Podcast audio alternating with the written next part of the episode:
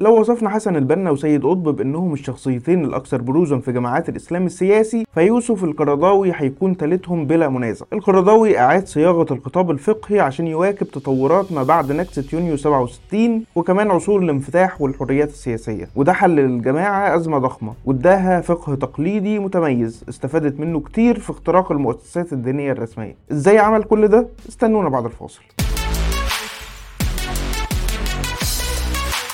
دوافع حركية وبراجماتية بحتة حركت فقه يوسف القرضاوي لخدمة أجندة الإسلام السياسي. الراجل لا كان الفقيه التقليدي اللي بيعتمد على أقوال الفقهاء وتقريرات المذاهب ولا الفقيه السلفي النصوصي اللي بيعتمد على الحديث ولا الفقيه الحر اللي بيعتمد على قواعد عامة بيلتزم بها في كل فتاويه ما كانش كمان الفقيه العصري التيسيري اللي رسمت معالم صورته الدعاية الإخوانية. كان بيتأرجح في فتاويه ما بين التساهل والتشدد بحسب المصلحة. لو النص أسعفه لخدمة أهداف التنظيم بيتشدد. طب لو ما أسعفوش بيروح للقواعد القواعد الأصولية التقليدية. لو ما أسعفتهوش هي كمان بيروح للمقاصدية أو أي قواعد تانية اخترعها بنفسه وبدون أي أساس من صميم الفقه ومن بينها مثلا فقه الواقع أو فقه الأولويات أو فقه السنن وغيرها وغيرها. بعد الفاصل هنرصد المعالم الخمسة لفقه يوسف القرضاوي.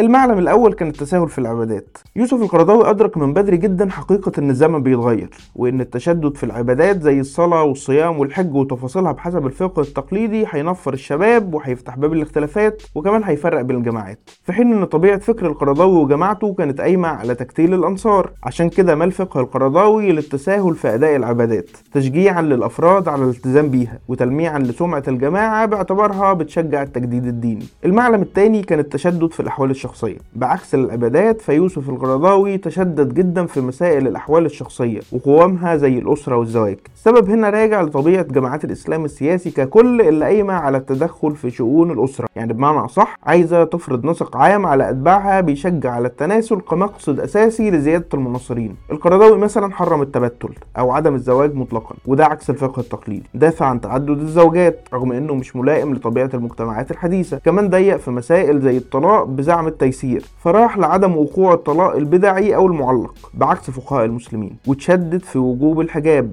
متزرع بالإجماع ورفض أي اجتهاد بيعيد النظر في المسألة باعتبار أن الحجاب أحد أركان الإسلام السياسي المعاصر. المعلم الثالث كان التشدد في الأمور المالية مثلا في كتابه الأشهر فقه الزكاة اللي قدم نفسه فيه باعتباره داعية للوسطية والعصرانية بيعتبر يوسف القرضاوي أن الزكاة بديل إسلامي شامل للضرائب وأنه كفيل بحل كل مشكلات الدولة المالية. هو اعتمد في ده على نقطتين الأولى كانت توسيع وتكسير مصادر الزكاة عشان تبقى المصدر الأساسي لدخل الدولة تعويضا ليها عن غياب المصدر الأهم في تاريخ الدولة الإسلامية اللي هو كان الفيء والغنيمة. فأوجب الزكاة في مسائل خلافية زي الفواكه والحلي وعروض التجارة والأوراق النقدية وكمان البترول. النقطة الثانية كانت توسيع جهات صرف الزكاة عشان تشمل كل مسؤوليات الدولة. وهنا لو لاحظنا هنلاقي في تحايل على النص القرآني بتخصيص صرف الزكاة بثمان مصارف. بخلاف الزكاة فيوسف القرضاوي بيوجب الجزية على جميع أتباع الديانات الأخرى. أهل كتاب كانوا أو وثنيين وبيجيز للمسلم الميراث من الكافر. والعكس طبعا مش صحيح بخلاف النص والإجماع.